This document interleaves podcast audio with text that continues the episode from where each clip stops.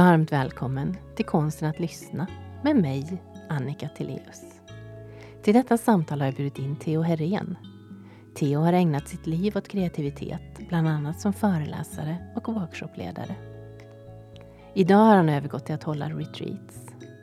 Vi pratar om en växande längtan efter tystnad, lugn och tid för reflektion och hur det banar väg för kreativitet. Och vad händer när vår kunskap krockar? Finns det dåliga idéer? Har du funderat på vad som behövs för att du ska bli ditt mest kreativa jag? Det här är konsten att lyssna.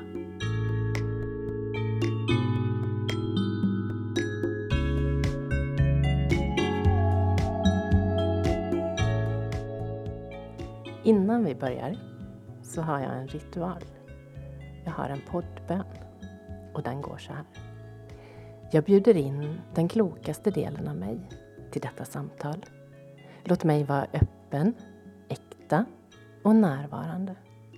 Låt samtalet vara varmt, utforskande och fullt av tillit.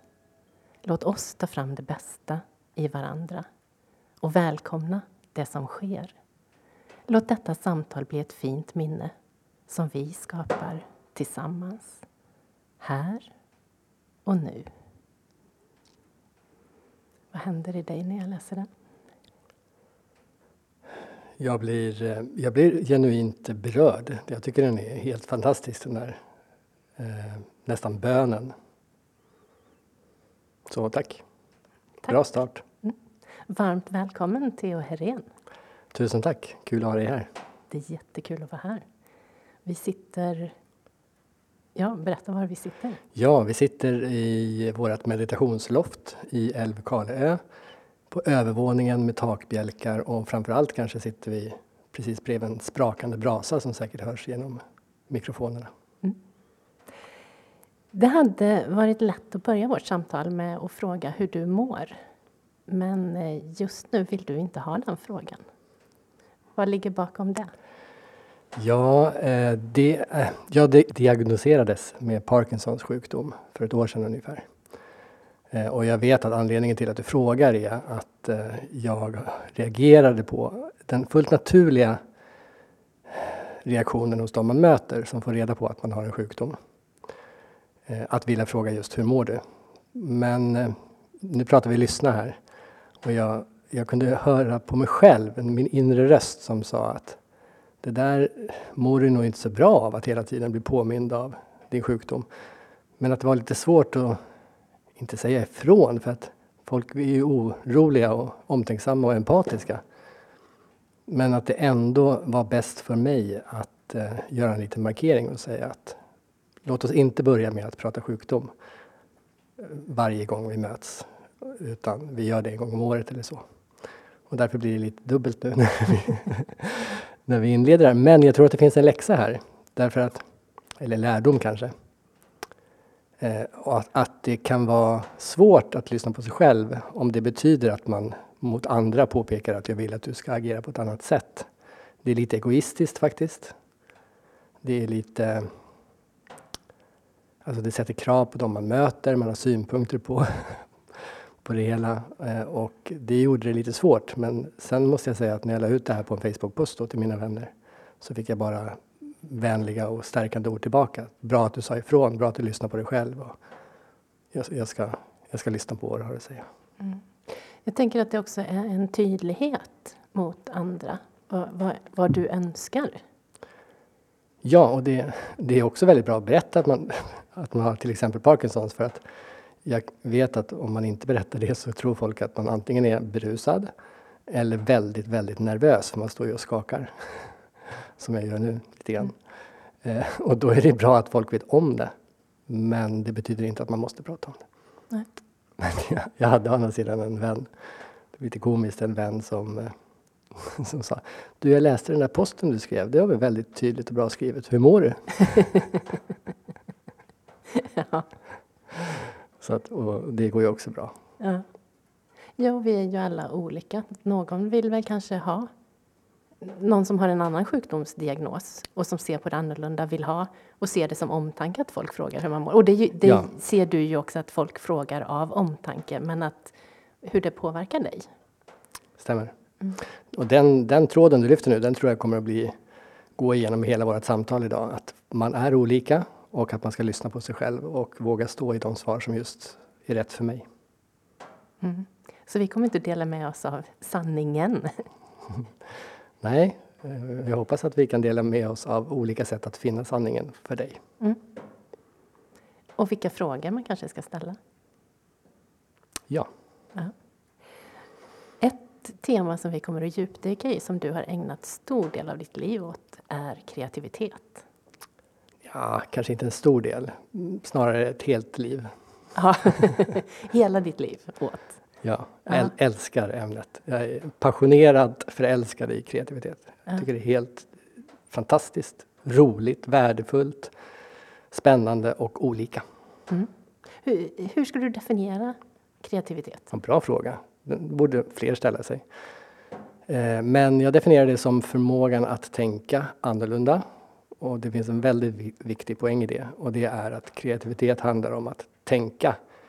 Faktiskt inte så mycket om att göra, det är nästa steg. Så att min passion är att folk vågar tänka lite mer annorlunda och lite mer nytt och lite grann på snedden och utmanar sanningar för att hitta nya sanningar och egna sanningar.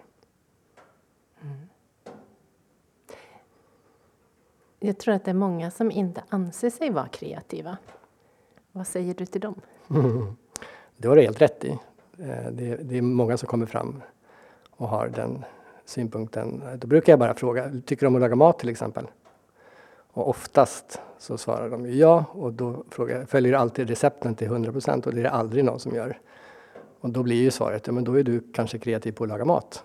Och då blir ofta svaret, ja men det har du rätt i. Och så kommer massa härliga historier på hur de har hittat på egna recept och egna rätter och sådär. Bara öppna kylskåpsdörren och kolla in och säga, vad ska jag laga idag? är ju en fantastisk kreativ handling som sker varje dag. Mm. Vi skulle, bara den här tråden som du lyfter nu skulle vi kunna prata om i 45 minuter minst. Eh, alltså vilken sorts kreativitet har du? Och andra sidan blir ju då vilken sorts kreativitet saknar du? Ja. Musik är ju en typisk sån. Har du?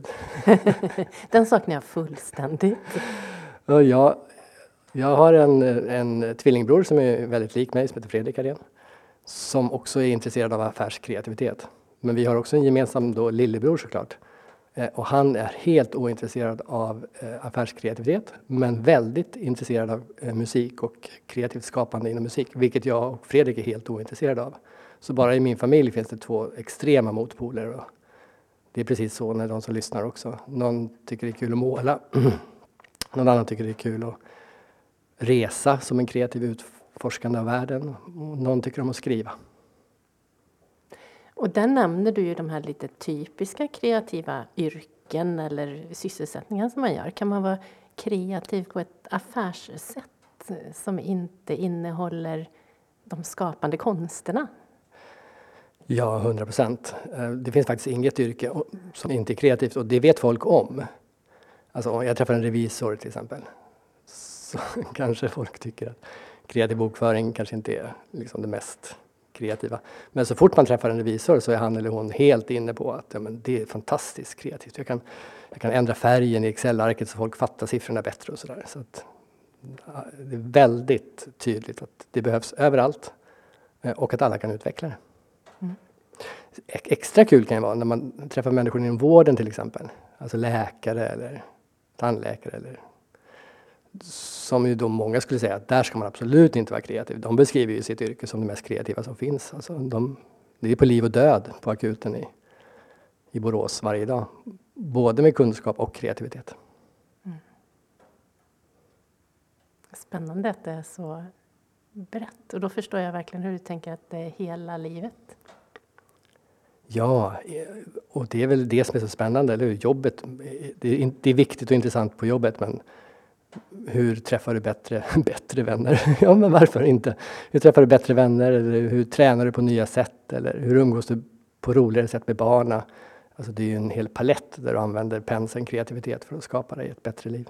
Mm. Eller ett bättre liv för andra, det ska man inte glömma. Alltså, det blir lätt fokuserat på att kreativitet handlar om att du ska förbättra saker för dig. Men det handlar ju också väldigt mycket om att göra saker bättre för andra. Hur, hur skiljer det sig att vara kreativ på egen hand och vara kreativ i en grupp? Ja, du kommer tillbaka till den röda tråden. Eh, att för vissa människor så är det värsta som finns att bli inkallade till en brainstorm med 20 kollegor i två timmar och bara spåna idéer. Alltså de mår fysiskt illa. Sen finns det många som, jag skulle kalla mig själv en sån, som älskar att sitta med en person i två timmar framför brasan och köra en brainstorm. Eller med 40 pers också för all del.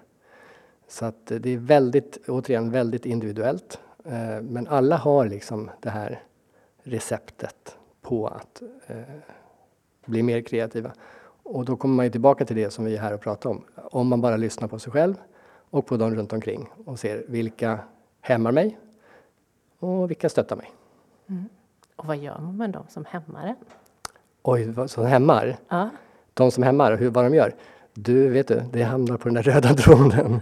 De gör olika saker. Det finns eh, många föräldrar, och nu vet jag att det här är lite känsligt. Men jag tar det ändå.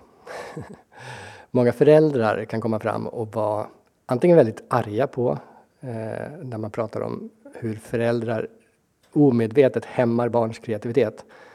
Men ofta när man pratar om dem så är ilskan ett tecken på att de faktiskt inser att det är så, att de har hämmat sina barns kreativitet. Till exempel när de inte får eh, laga mat som de vill utan det ska lagas mat som det är tänkt. Och de ska gå rätt väg till skolan istället för en annan väg till skolan. Och de ska leka kurragömma på det här sättet istället för på det här sättet.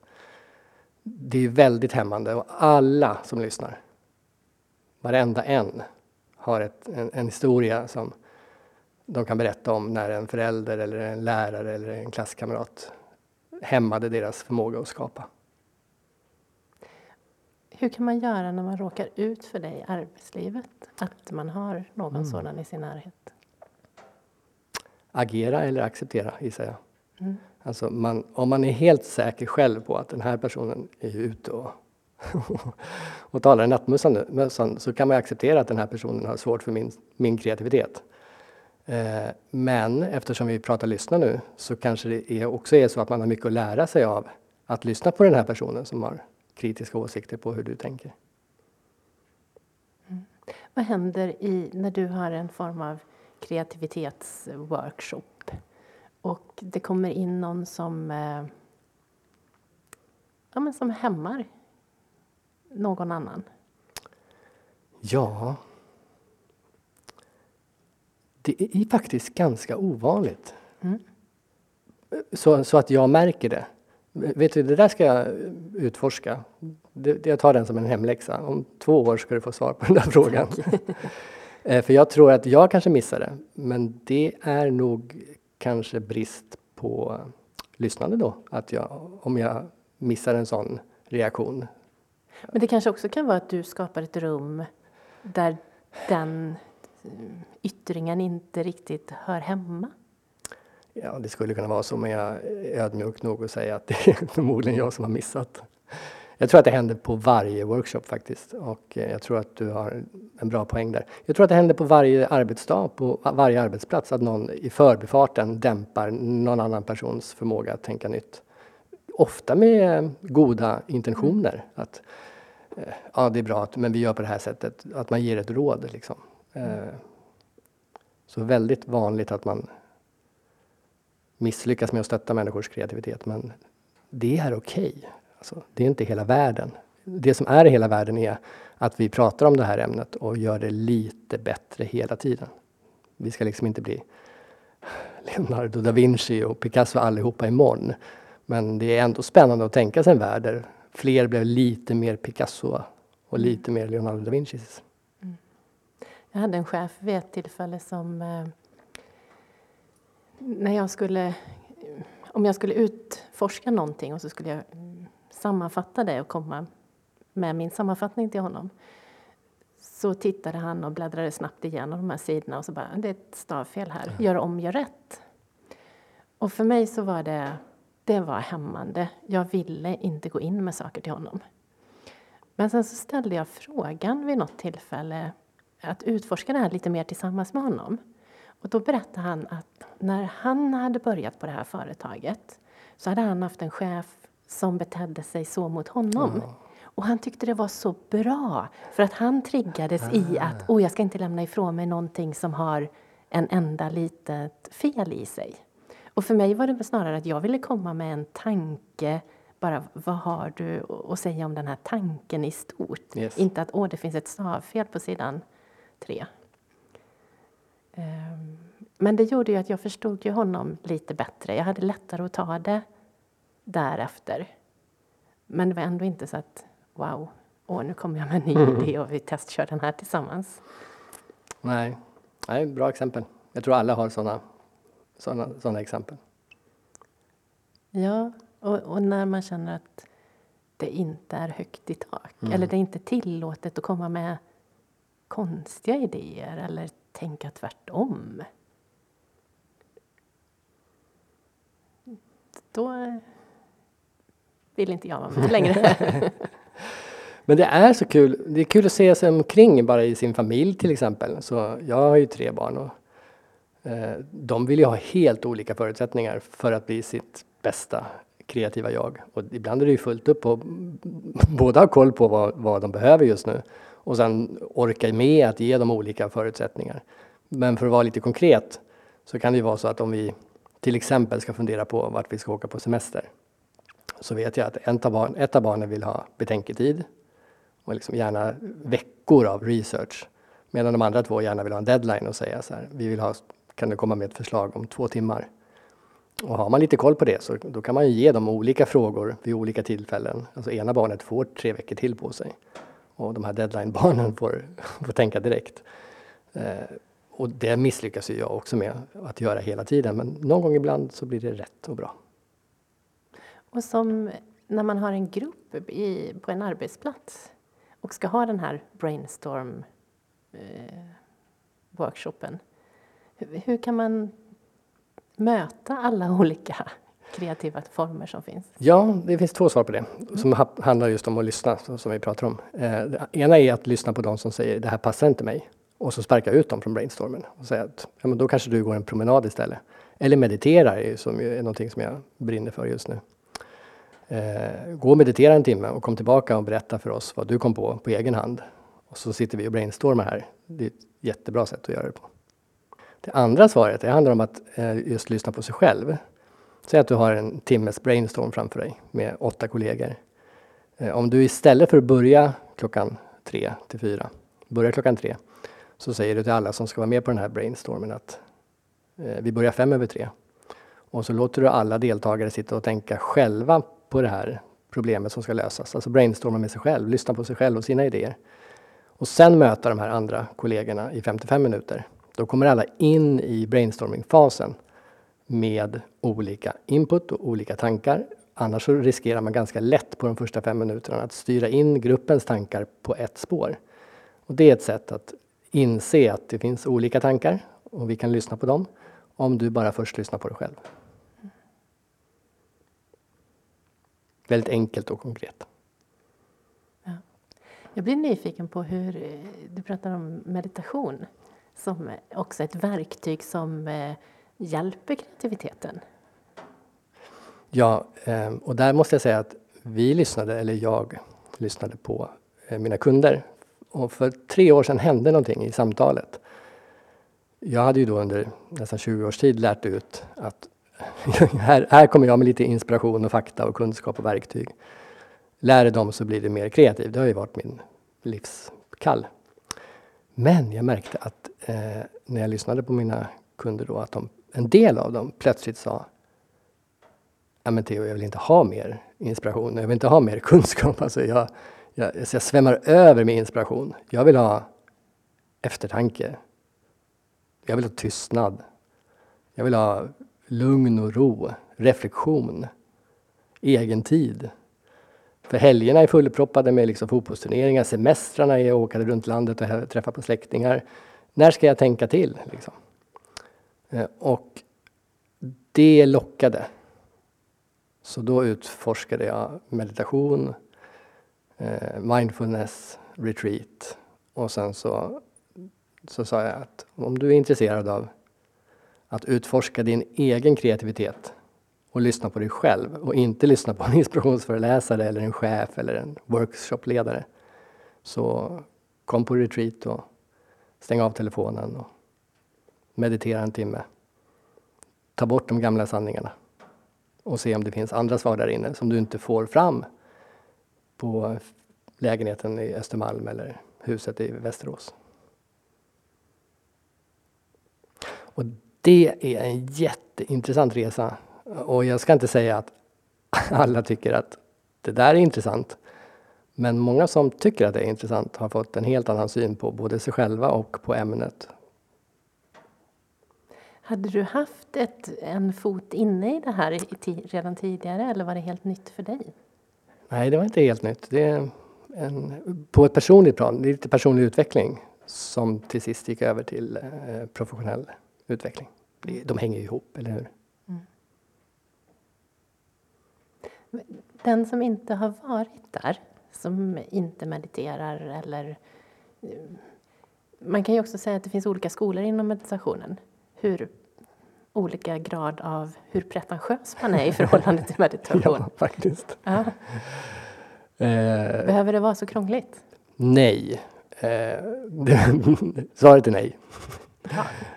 Eh, men det kan vara krångligt. Eh, och sen är det spännande att se vad, vad är det som är krångligt. Jag kan säga det här att man till exempel lämnar ifrån sig telefonen i tre dagar på ett eh, business, business retreat eh, är väldigt provocerande för en viss grupp människor. Och jag måste erkänna att jag tror att det är förmodligen de som mår bäst av att stänga av telefonen i tre dagar. Men, och jag har en liten knorr på det där som jag tycker är lite speciell. För att jag brukar uppmana dem, säg att du ska på ett retreat och så måste du stänga av telefonen. Då stänger du av input medvetet för att använda det du redan kan.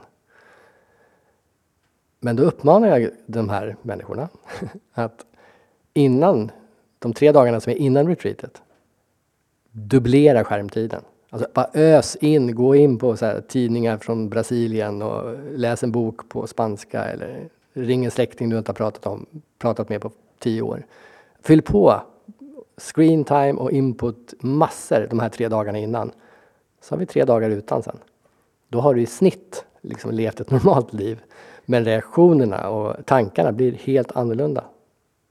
Jag tror mycket på att man behöver både och. Man behöver input och, och eh, reflektion. I olika grad. Vad är det första den möter? nu förstår jag att den röda tråden är att vi alla olika. Så jag kanske ska formulera om den frågan. Men vad är vanligt att man möter när man kliver in i det här området och börjar utforska det? Det är en ganska lätt fråga. Det är kreativt självförtroende. Det är att inse att du själv bekräftar din kreativitet. Att du inte gör det för att få bekräftelse av andra. Jag tror jag tar den där igen. Mm. Det är kreativt självförtroende som är resultatet för de flesta. Vilket då betyder att man bekräftar sin egen kreativitet istället för att vara kreativ för att få bekräftelse från andra. Och jag tror alla som har barn eller har sett barn eller något, känner igen det där när, när barnet är tre år så kan det måla alltså passionerat måla på, på väggar och papper och överallt. Och sen kommer en dag när de målar för att visa upp det för dig. Det är den råa, liksom helt naturliga urkraften som treåringen visar vänds lite grann till att nu ska jag vara kreativ för att visa mamma och pappa eller syskon eller fröken vad jag kan. Titta här vad jag har skapat. Och så får man ju ofta den bekräftelsen. Så redan i 4-5 års åldern så börjar ett liv av att vara kreativ för att få bekräftelse av andra. Och där kommer ett kreativitetsretreat rakt in och vänder upp och ner på det. För när du sitter själv på ett loft framför en brasa tillsammans med andra men utan att agera med dem så är du kreativ bara för din egen skull. Och det tycker många är jätteskönt. Och många tycker också att det är ett kraftfullt verktyg, kan man säga så? Men liksom, det, det blir konkret att folk känner att jag kan ju för min skull. Och det tror jag är fantastiskt. För att väcka den där kreativiteten när man mediterar, tar man med sig en frågeställning eller hur, ja. hur gör man? Visst är det spännande? det bara upp? Det finns två svar på det, eller många, men två huvudspår. Det ena är att man tar med sig en frågeställning in i meditationen. Och sen tänker man på hur ska jag lösa det här? Hur har jag löst det förut? Sådär. Eh, den andra spåret, det är att man istället utforskar sin kreativitet, alltså själva, ja, men själva verktyget, då, alltså det du använder. Och då reflekterar du snarare på eh, hur får jag, hur kan jag hjälpa min hjärna att tänka nytt och framförallt glömma det gamla som jag redan vet. Det är precis så det funkar ofta. Nu har vi en timme, de första 45 minuterna kanske gamla tankar flyger omkring och kommer upp och så här brukar man göra, så här gjorde de och så där gör konkurrenterna. Och sen efter, ja du förstår, 45 minuter av att sitta helt still i ett helt tyst rum och bara lyssna på gamla sanningar, så tröttnar hjärnan. Och så säger hjärnan att, vet du vad, så här skulle man kunna göra. Och då har man hittat något nytt som man inte hade tidigare. Och så har man känt sig lite kreativ. Sen finns det lite parallella spår på din fråga där, men jag tror att de här är de två huvudspåren man behöver bry sig om. Mm. Jag har ofta sådär att när jag eh, ska gå och lägga mig, eller har gått och lagt mig, är på väg att somna, eller att jag vaknar till mitt i natten med någon, något svar, en idé. Så jag har block vid sängen där jag brukar skriva. Och häromdagen, eller häromnatten, så... Jag var så extremt kreativ. Jag skrev i ett par timmar Oj. i mitt block vid sängen. Jag fick en idé, skrev ner den, lägger undan blocket, sluter ögonen och så kommer nästa grej. Och så, det var som det bara poppade idéer. Och sen glömde jag dem helt och hållet. Men när jag läste dagen efter, det var bra saker. Ja. och, och då kändes det som att, det, det var nästan som att jag hade ett membran mot mitt undermedvetna som blev väldigt, väldigt tunt i den stunden och att jag kunde fånga de där sakerna som flög runt. Var det medvetet? Alltså, tänkte du så här, nu ska jag göra det här? Nej, det hände Nej. bara. Mm. Mm. Jag har ju sett forskning på att man eh, eh, framkallar den här eh, känslan som du beskriver strax innan man ska sova. De lät helt enkelt folk eh, somna och var kreativa innan de somnade. Så fort de somnade så väckte de dem igen och så sa nu är du vaken. Så att de liksom höll sig i det här stadiet längre än bara en gång per natt. Och det visade sig att de blev kreativa av det. Nu tror jag att jag skulle mest bli sur om någon väckte mig om och om igen. Men jag tror de passar jättebra för vissa. Ja. Och klokt av dig att skriva ner dem för att de riskerar ju att försvinna annars. Ja, de gör ju det. Eh, jag såg en, en notis på eh, sociala medier igår faktiskt där det var en kvinna som hade skrivit det. Och jag kom på en jättebra idé i natt men den, den försvann. Ja. ehm, och när jag skrev då till henne att ja, men jag, jag har ett block vid sängen där jag fångar dem, hon blev så här frustrerad. Du menar att den kan vara bra? hon hade tänkt att den var bra på natten men hon trodde inte att den hade hållit dagen efter. Men, och så kanske det också är många gånger. Men jag har hittat mitt system för att försöka fånga dem där i alla fall. Ja, det är klokt. Ja. Ja, det finns ju många sådana knep, eller hur? Om de som är, mer, är som mest kreativa när de ligger i badet och tar med sig ett block dit. Och de som får idéer när de springer och talar in det på telefonen och sådär. Det, det är väldigt olika saker som triggar men oftast så är de ju kopplade till att man inte gör något. Alltså man badar och man springer och man lägger sig men det är inte så att du står och faktiskt gör något. Liksom. Du anstränger dig inte utan mänskligheten har en undermedveten kraft som på egen hand tycker om att hitta nya lösningar. Var kommer idéer ifrån? Ja, bra frågor. Jag kan säga så här. En sak som måste till är kunskap. Alltså ju mer du kan, ju fler saker kan du ifrågasätta. Men samtidigt vet jag att säkert några lyssnare nu tänker så här, men jag tycker det är tvärtom. Jag tycker att ju mer jag kan, ju svårare har jag. Men det är, eh, det är nu låter det nästan elakt, men alltså det, då är det brist på kreativitet som gör dig eh, mindre kreativ. Det är inte att du har för mycket kunskap, för att ju mer kunskap du har, ju fler saker borde du kunna hitta på. Men jag förstår tanken, man fastnar i gamla hjulspår och man får bekräftelse på det som är rätt och så. Men det finns fortfarande ett annat spår att utforska. Och kanske att man behöver krocka tankar från lite olika håll också? Absolut så. Och det, det gör ju, eller hur många kommer hem från en konferens och tycker så att åh, jag fick massor med idéer för att jag träffade den och den, jag pratade med den och den i pausen. Jättemånga som känner igen att det triggar min kreativitet att få prata med andra människor. Mm. Och krocka, som du säger, krocka min kunskap med deras. Ja, och, och, för mig så är jag traditionellt lite uppe i huvudet och gör så här plus och minuslistor. När jag kom på att om jag istället köper jättestora papper och pastellkritor och lägger mig på golvet så löser jag problem på ett helt annat sätt. Jättebra. Ja. Men det nu när du kom hit för att göra den här podden, då medan jag pratade med dig tidigare och även nu faktiskt under samtalet och innan när du liksom skickade över lite information och så, så börjar ju ditt område, lyssnande, kunskapen krocka och nötas mot min kreativitet, eh, kunskap. Och då blir det ju liksom, ja, det här är en annan ingång på vad jag har tänkt tidigare och det här tillför en dimension till och så. Så att du visst har rätt, kunskap som krockar leder till ny kunskap. Ja, och kanske också testa. Jag var på en kurs i våras där man pratade om att vi har olika typer av intelligens. Mm. Den verbala där vi pratar, eh, den visuella där vi kan rita och vi kan titta på saker. Den kroppsliga där vi till och med kan göra gester. Mm. Vi skulle lösa problem, vi skulle berätta om ett problem genom att använda gester, som en pantomim. Mm. och också en metaforisk intelligens.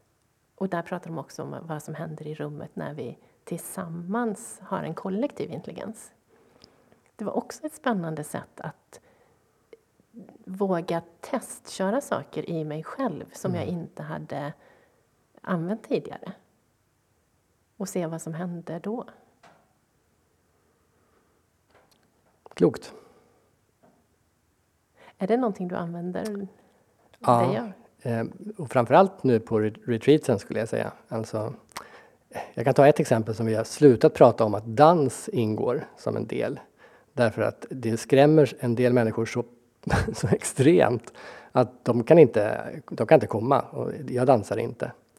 Men sen när man väl har retreaten och så sätter på en, en musik som, som peppar folk till rörelse så kan de absolut sen känna att det var inte dansen som gjorde mig mer kreativ, men det var att kroppen fick röra på sig och liksom, eh, öka upp lite hormoner och så, så att man verkligen kände att nu är, nu är jag i gasen. Man hade kunnat springa också, det gått bra. Eh, och då hade det varit andra som inte hade kommit? Ja, precis. Exakt så. Eh, så att dans kan vara skrämmande nog att liksom hoppa av men också eh, vara direkt avgörande för samma person om han eller hon vågar prova. Och det är svårt att säga så här, dans gör dig mer kreativ. Ja, om du hatar att dansa så förmodligen inte. Och om du har dansat hela ditt liv så kanske inte.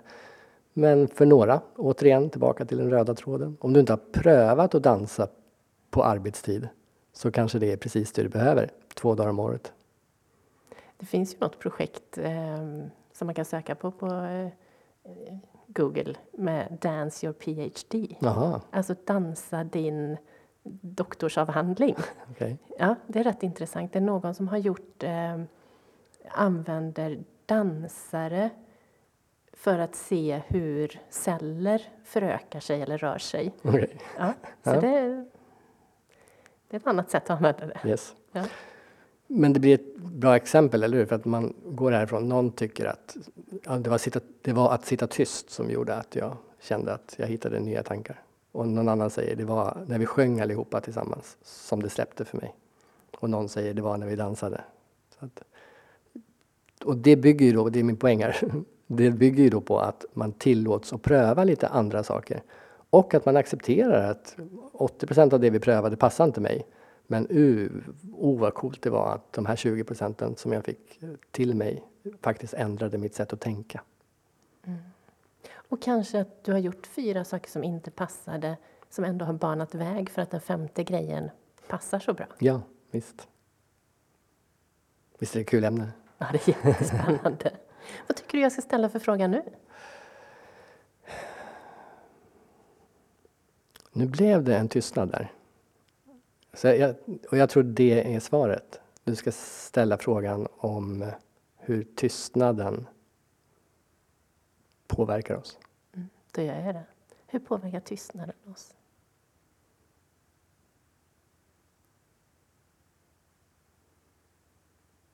Det där kanske var tio sekunder.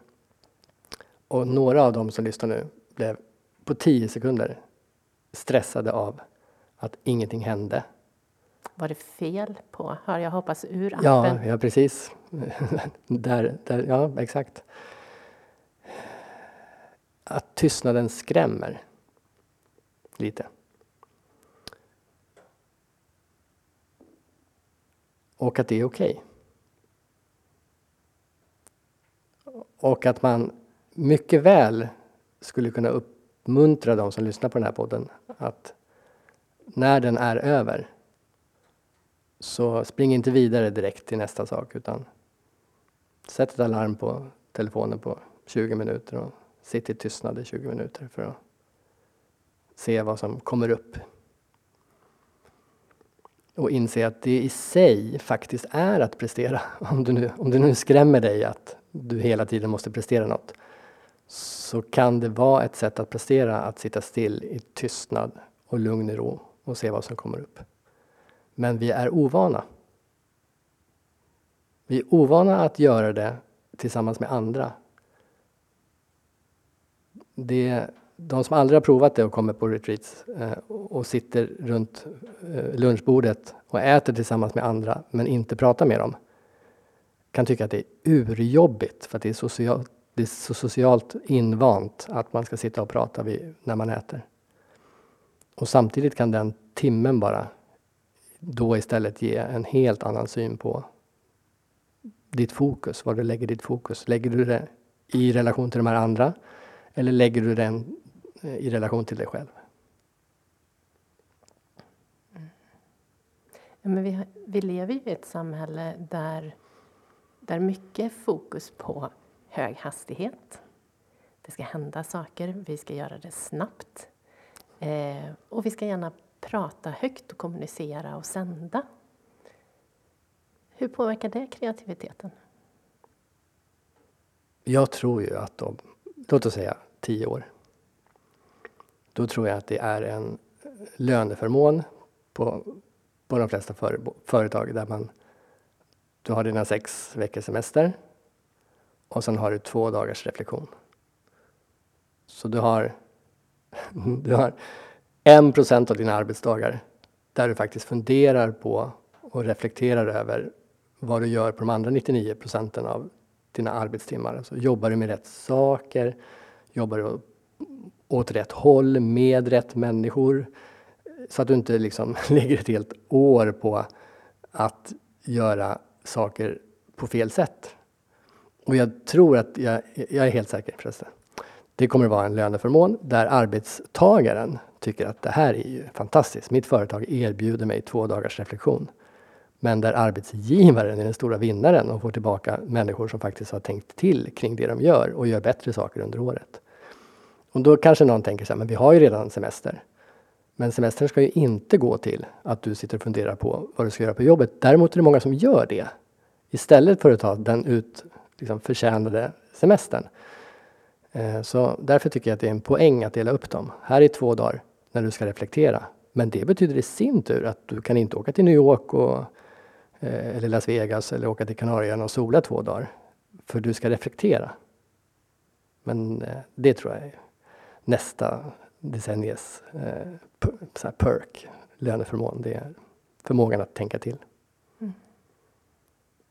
Och då tror jag de här frågorna kan komma också. Ska jag byta jobb till exempel? Ska jag skilja mig?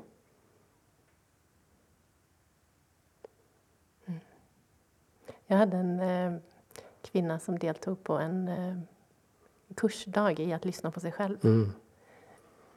Och som hörde av sig efteråt till gruppen och talar om att nu har jag sagt upp mig. Det var så tydligt att jag är på fel plats. Så det var, det var vad, vad som hände när hon stannade upp och lyssnade. Och sen agerade hon också väldigt snabbt på det. Och först var hon eh, orolig för vad, vilka reaktioner skulle hon möta. Att säga upp sig utan att ha någonting att ta vägen till. Men när hon mötte eh, blivande arbetsgivare så var det reaktionen mer att ah, vad starkt när du sa upp dig när du kände att värderingarna inte stämde. Så att det hon var orolig för från början blev faktiskt till och med en styrka. Modigt. Mm, verkligen. Dåliga idéer, finns de? Ja, det, det gör de. Det gör de. Eh, det vanligaste sättet som en idé är dålig på skulle jag nog säga är när den redan är tänkt av många andra. Idéers, idéers poäng är ju att de ska vara nya och annorlunda. Men det här är så svårt. För det är en kul fråga du ställer. För att det är verkligen jättesvårt. Därför att om du inte vet om att någon att hundra andra har tänkt samma sak på din arbetsplats och du kommer springande och säger jag har en idé, jag har en idé och alla säger det här har vi alla tänkt tidigare. Så kan ju det kännas jättejobbigt för dig. Men du har ju faktiskt varit exakt lika kreativ oavsett om någon annan hade tänkt det eller inte. Du har ju skapat något nytt i ditt huvud. Det är jättelätt att liksom säga det här var en dålig idé för de andra hade tänkt det. Så att jag får nog nästan, jag, jag tror jag backar på mitt svar. Nej, det finns inga dåliga idéer. Det finns olika bra idéer. Det finns de som är fantastiska och de ska du genomföra. Så finns det de som är lite mindre fantastiska, de kanske du kan låta vara. Och de kanske är vägen för att komma på dem ja, bättre. Exakt så. Att man behöver ha någon form av volym i idéflödet. Ja, och nu, nu, det här är viktigt. Alla lyssnar noga nu. eh, det är inte negativt att ha väldigt många ogjorda idéer. Jag möter många som säger äh, och jag har så många idéer, jag kan inte, jag kan inte ta emot fler. Eller, jag hinner inte göra alla idéer jag får. Vem har sagt att du ska göra alla idéer? Det ska du inte. Du ska bara göra de som är riktigt, riktigt bra. Så om du har 10 000 idéer om året, sikta på 100 000. Det gör dig inte på något sätt sämre. Men du har fler att välja på när du väl ska göra något. Att, att ha 10 000 idéer på hur vardagsrummet ska se ut är positivt. Välj en av dem och gör den. Vart ska vi åka på semester? Två val, ganska dåligt. En lista på 100 alternativ, kanonbra. Det, det kan många lyssna noga på. har, du kan inte ha nog med idéer. Du kan alltid ha fler. Och man kan ge bort idéer? Ja, jättebra. Och du kan lösa andras problem. Om du liksom tycker att nu har jag nog med mina idéer. Gå ut på stan och lös något problem åt någon annan. Mm. Hör, av till, hör av er till oss och berätta hur, hur man gör en bättre podd. Ja. Eller fråga vilka problem som man vill ha hjälp med. Ja, ja precis. Ja. Vi kanske kan para ihop folk. Ja, gärna. Ja. Eh, och, och, eh, och, och, på samma sätt, eh, vi pratade barn tidigare. Alltså, om du har ett problem fråga barnen och se, liksom, de älskar ju, de lyser ju upp när man säger så här, jag vet inte riktigt vad vi ska, vart vi ska åka på semester till exempel. De älskar ju att få vara delaktiga. Vad ska vi äta till middag? Den gör ju många familjer, medlemmar. Men också så här, vilken bil ska vi köpa till exempel? Mm. Och vad är viktigt när man köper bil? Ja, precis. Ja. De ska sitta där i baksätet. Baksätet kanske är urviktigt. Ja. Och färgen. Ja, såklart. Ja. Och miljön. Ja, absolut. Vi behöver nog lyssna på våra barn lite mer. Jag tror vi måste lyssna på våra barn, mm. på våra vänner och på oss själva. Mm. Och som ett medskick till lyssnarna i det här avsnittet så kommer du att göra en, ett bonusavsnitt med en inspelad eh, guidad meditation. Ja, jag tänkte köra en visualisering som handlar om hur man tar emot idéer från andra. Så för dig som aldrig har prövat eller för dig som är van att meditera, testa och åk med på det spåret som ligger som en egen poddavsnitt. Mm. Vem har du blivit i det här avsnittet, i vårt samtal?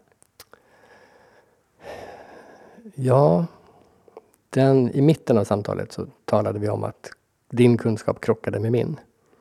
Så att jag känner mig lite krockad. Eh, men på ett bra sätt. Eh, en kulturkrock och en kunskapskrock antyder ju på något sätt att det är något som har gått åt pipan. Så kanske borde vi hitta på ett annat ord. Eh, för jag känner mig inte... Berikad? Ja. Men jag känner mig berikad. Mm. Och eh, nyfiken. Jag tycker att det, dina frågor och det du kan har gjort mig mer nyfiken på, på lyssnandet. Även om det är en paradox eftersom man är inbjuden för att prata i en podd som handlar om att lyssna. Men eh, jag får ödmjukt erkänna att eh, jag blev nyfiken på ämnet lyssna. Vad fint. Stort tack för ett fint samtal och för att jag fick komma hit. Tack själv.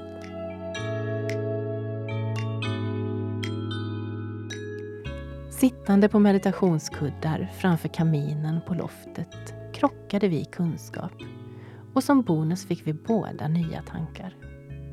Kanske väcktes nya tankar i dig när du lyssnade. Jag gillar idén om att mänskligheten har en undermedveten kraft som tycker om att hitta nya lösningar. Kanske var det den som kom fram den där kvällen när jag skulle somna. En av idéerna som dök upp då var att fråga om Theo kunde tänka sig att spela in en meditation om kreativitet. Hans fina meditation finns publicerad som ett bonusavsnitt. Gillade du detta samtal så lyssna gärna på avsnittet med frågesprutan Christian Windahl där vi pratar om hur rätt frågor kan hjälpa oss framåt och hur vi stannar kvar för att lyssna på svaren. Vill du veta mer så finns Konsten att lyssna även som bok. Om du gillar podden och vill att fler ska bli bättre på att lyssna så kan du hjälpa till genom att betygsätta podden och dela avsnitten. Tack för att du har lyssnat.